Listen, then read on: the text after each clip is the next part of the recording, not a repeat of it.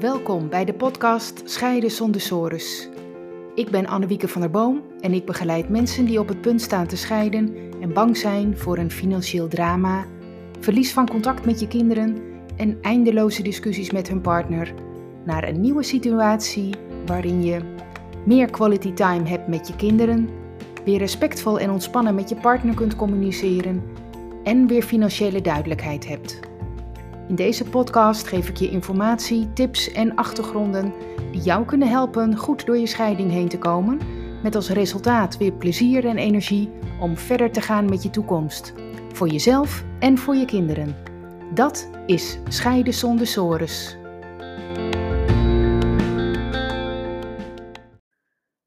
Deze keer maak ik een aflevering die heel persoonlijk is en ook voor mijzelf gaat. De inspiratie kwam eigenlijk uh, uit het afgelopen weekend. Ik heb drie kinderen die al uit huis zijn. Ze studeren of werken. Ze zijn tussen de 20 en de 25. Dus ze zijn al best zelfstandig, eigenlijk heel zelfstandig. En ze zijn de wereld aan het ontdekken en hun eigen leven aan het opbouwen. Ja, en dan moet je als ouder, vind ik, toch wat meer je best doen dan eerder om contact met je eigen kinderen te houden. Wat eerder vanzelf gaat, omdat ze gewoon bij je in huis wonen nou ja, daar moet je nou toch even bij stilstaan. Want voor je het weet, verstrijkt de tijd. En uh, je kunt natuurlijk bellen en appen. Uh, maar voor je het weet zijn er een paar weken voorbij. Voordat je elkaar weer persoonlijk ziet. Zeker als ze ook nog geregeld uh, naar het buitenland gaan. bijvoorbeeld een half jaar om te gaan studeren. Nou, dus afgelopen weekend hadden we een echt family weekend gepland. De een was net weer terug na een half jaar in Milaan. De ander gaat binnenkort naar het buitenland. Dus nou, dat paste precies. Nou, gewoon hartstikke fijn om, om het hele spulletje bij elkaar te hebben. En ook om te zien hoe leuk de kinderen het onderling hadden. Ze hebben gewoon een hele goede band met elkaar. Ze hebben ook los van ons geregeld contact met elkaar onderling. Um, en uh, ja, nu zie je dat ook echt als ze bij je, weer bij je in huis zijn dat het gewoon goed zit. Ze hebben lol met elkaar, ze helpen elkaar, ze vinden het leuk om samen te gaan koken. Ja, en soms zitten ze natuurlijk gewoon ook af en toe even te fitten op elkaar. Ja, en is dat zo vanzelfsprekend? Dat kinderen zo'n fijne band hebben met elkaar en met hun ouders? Nee, dat is het niet. Dat gaat niet vanzelf. Daar moet je als ouders wel wat voor doen. Eigenlijk heel veel voor doen. Het belangrijkste is denk ik wel dat je als ouder ervan bewust bent hoe je eigen opvoeding was. Wat je daar wel en niet goed in vond. Wat was waardevol? Wat heb je gemist? Dan weet je ook wat je eigen gevoeligheden of pijnpunten zijn, maar ook je sterke kanten. En dan kun je kijken, wat wil ik zelf aan mijn kinderen meegeven? Hoe wil ik hun opvoeden? Welke waarden vind ik belangrijk? En hoe leef ik dat voor? En natuurlijk is het ook belangrijk dat je samen met je partner op één lijn zit. dat hij daar ook zo over denkt. Tenminste, dat is wel handig. Je bent natuurlijk wel verschillend en je geeft ook wel verschillende dingen van jezelf mee aan je kinderen. Maar de grote lijn um, is, is wel belangrijk dat je daarbij op één lijn zit.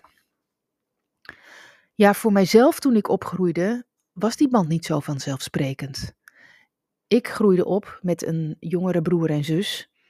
En uh, dat was een, uh, een heel keurig gezin, uh, dat ook goed functioneerde als je het aan de buitenkant zo bekijkt. Maar er miste wel een hechte band met onze ouders. Ik noem het wel eens een los zandgezin. En daardoor is de band tussen ons als broers en zussen onderling ook heel minimaal gebleven. En dat besefte ik toen ik klein was natuurlijk niet, want als kind groei je gewoon op zoals je opgroeit. Je weet niet beter. Wat ik wel heel goed weet, is dat ik me best wel eens eenzaam heb gevoeld. En uh, als ik iets vervelend vond, dan werd er ook niet over gesproken. Uh, er was er eigenlijk geen steun. Tenminste, zo was het voor mij, hè? zo heb ik dat ervaren. Pas jaren later, toen ik erop terugkeek, kon ik zien hoe het eigenlijk was geweest en wat er voor mijn gevoel dan heeft gemist. En dat is die band. En hoeveel makkelijker en fijner het voor mij was geweest als die band en dat contact er wel was geweest. En het betekende ook dat gemis aan band tussen ons, dat die band er later niet of nauwelijks meer kwam. En dat is natuurlijk heel jammer. Dat had ook heel anders kunnen zijn. Nou, vanaf de eerste dag dat ik het huis uitging, en ik was toen 18 jaar, heb ik me enorm zelf ontwikkeld en de, ja, laat ik maar zeggen, de, wat ik gemist had, ingehaald. Hè? Ik heb de schade tussen aanhalingstekens ingehaald. Ik ben heel veel mooie verbindingen en contacten met mensen aangegaan en dat is nu nog steeds zo. Ehm, maar ik moet wel zeggen, daar heb ik wel hard aan gewerkt. Dat is niet vanzelf gegaan. En uh, ja, toen ik kinderen kreeg, was het voor mij dan ook heel duidelijk dat ik het op dit stuk anders wilde doen dan mijn eigen ouders. Ik wilde niet dat mijn kinderen hetzelfde zou overkomen als ik. En ik heb het compleet anders gedaan, het roer omgegooid. En dat mag ook gezegd worden, of dat moet gezegd worden, mijn partner stond daar net zo in. Die heeft dezelfde visie en die heeft daar net zoveel als ik in bijgedragen. En we hebben ook heel bewust ervoor gekozen om er echt te zijn voor onze kinderen. En dat betekent niet dat je de hele dag 100% aandacht hebt voor je kinderen. Uh, we werken ook gewoon allebei, maar wel de kwalitatieve aandacht en zorg voor hun willen geven. En omdat we dat zo hard wilden, daar waren we heel gemotiveerd voor, um, was het ook niet zo moeilijk. Het ging eigenlijk wel vanzelf. Het werd gewoon normaal. Of het was normaal. Maar nu, als je dan terugkijkt naar heel wat jaren opvoeding en zorg, dan zie ik wel wat het heeft opgeleverd. Onze kinderen hebben onderling een hele goede band en ook met ons als ouders. En dat is voor ons allemaal heel waardevol. Het is gewoon een hele prachtige basis voor je kinderen om van daaruit zich verder te ontwikkelen en te groeien en voluit te leven. Ja, deze achtergrond van mij, die betekent voor mij dat ik het echt alle kinderen gun om op te groeien met de fijne en warme band uh, uh, met hun broertjes en zusjes en ouders. Het is gewoon zo belangrijk. Ik wil niet dat kinderen missen wat ik destijds heb gemist. En het is voor kinderen een hele lange weg om daarna de schade weer in te halen. Dat weet ik uit eigen ervaring. En het is gewoon heel jammer als dat nodig is. Ja, en voor het opgroeien en het meegeven van die goede band zijn de ouders verantwoordelijk. De kinderen kunnen dat niet zelf. Die leggen hun hele vertrouwen natuurlijk in hun ouders of bij hun ouders neer. Ja, en dat is een van de redenen waarom ik zo'n voorstander ben van mediation. In het algemeen, want je kunt met mediation alle soorten conflicten oplossen als je dat wil, maar vooral bij een scheiding, want daar zijn natuurlijk kinderen bij betrokken. Ja, en een scheiding is soms onvermijdelijk. Punt. Dat is niet anders. Ook daarin mag je als ouder voor jezelf kiezen, voor je eigen toekomst en je eigen geluk. Maar er ligt wel een risico op de loer, namelijk dat het contact met je kinderen verslechtert. Of dat je kinderen er meer last van krijgen hè, van de scheiding dan nodig. En waarschijnlijk zie je dat zelf niet direct. En dat is ook logisch, want je bent enorm bezig met je eigen gevoelens, je eigen toekomst, je financiën, alle onzekerheden en vragen daarover. Je zit gewoon in een rollercoaster. Maar ook tijdens en na een scheiding kun je je contact met je kinderen goed houden. En dan gaat het niet alleen, wat veel mensen denken, dat je geregeld aan je kinderen vraagt hoe het is. Hè, hoe is het nou met jou? Dus het contact tussen jou en de kinderen. Nee, net zo belangrijk, of eigenlijk nog wel belangrijker, is het contact tussen jou en de andere ouder. Hè? Dus met je ex-partner, je bijna ex-partner. Als je zelf met je uh, ex-partner goed kunt blijven communiceren, ook al zijn er af en toe, pardon, heus wel discussies, of zien jullie dingen verschillend.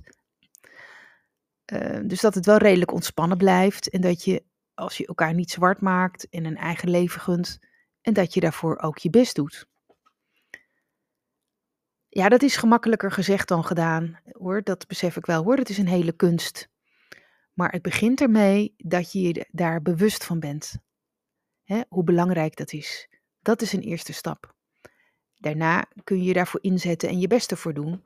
En goede begeleiding vragen. En je kinderen voelen dan gewoon dat er ontspanning is en ruimte tussen jullie als ouders. En dat geeft hun rust en vertrouwen. Ja, en daar moet je ook al tijdens je scheiding mee beginnen. Want als je denkt, oké, ja, dat doen we later wel, dan is je kans verspeeld. Dat zie ik namelijk in de praktijk gebeuren. En dan is het ontzettend moeilijk om dat contact weer te herstellen. Hè, stel dat het contact uh, bij een scheiding tussen één ouder en de kinderen voor langere tijd verslechtert, dan um, gaat het soms wel weer beter als de kinderen volwassen zijn, want dan maken ze meer hun eigen keuzes en laten ze zich niet zo beïnvloeden meer. Um, en dan nemen ze soms toch wel weer na jaren contact op met de ouder met wie ze jarenlang geen contact houden. dat is natuurlijk mooi, maar dan mis je wel heel wat jaren. Zowel je kind als jijzelf. En dat kun je niet meer overdoen. Je kunt de tijd niet terugdraaien. Hoe leg je straks aan je kinderen uit als ze over een paar jaar, of misschien wel pas als ze volwassen zijn, aan je vertellen: Ja, ik heb eigenlijk best veel last gehad van de scheiding. En ik heb er nu ook nog wel last van. Het heeft zoveel impact gehad. Zeg je dan: Sorry jongens, ik had gewoon even niet de puff of de energie of de moed om naar een mediator te gaan. Dat snap je toch wel? Ja, en als ik nu terugkijk en van jullie hoor hoe lastig het eigenlijk was, had ik het misschien wel anders willen doen. Maar ik heb dat helemaal niet beseft. Ja, wil je dat? Hoe belangrijk vind jij het tijdens en na de scheiding zo goed mogelijk het voor je kinderen te doen, zodat ze hun onderlinge band behouden en zodat ze ook het contact met jullie als ouders zo goed mogelijk kunnen behouden, dat het contact zo goed mogelijk blijft. Ja, ik hoop dat dit uh, zinvol voor je is om dit te horen. Dat het, uh, laten we zeggen, een stof tot nadenken geeft. En ik hoop dat je je helpt om goede keuzes te maken en de goede stappen te nemen die bij jou passen. Als je meer wilt weten over mediation bij je scheiding, neem contact met me op. Je kunt me bellen of mailen als je een vraag hebt. Maar je kunt ook samen met je partner een kennismakingsgesprek bij mij plannen. Dat is altijd kosteloos en vrijblijvend. En uh, mijn gegevens kun je vinden op mijn website annewiekebemiddeld.nl. Tot de volgende aflevering.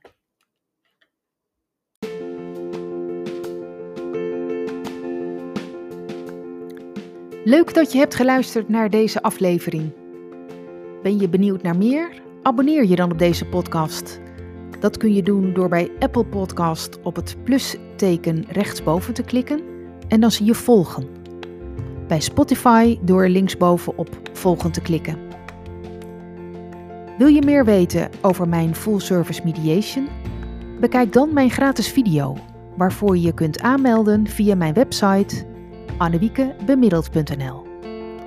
Tot de volgende aflevering.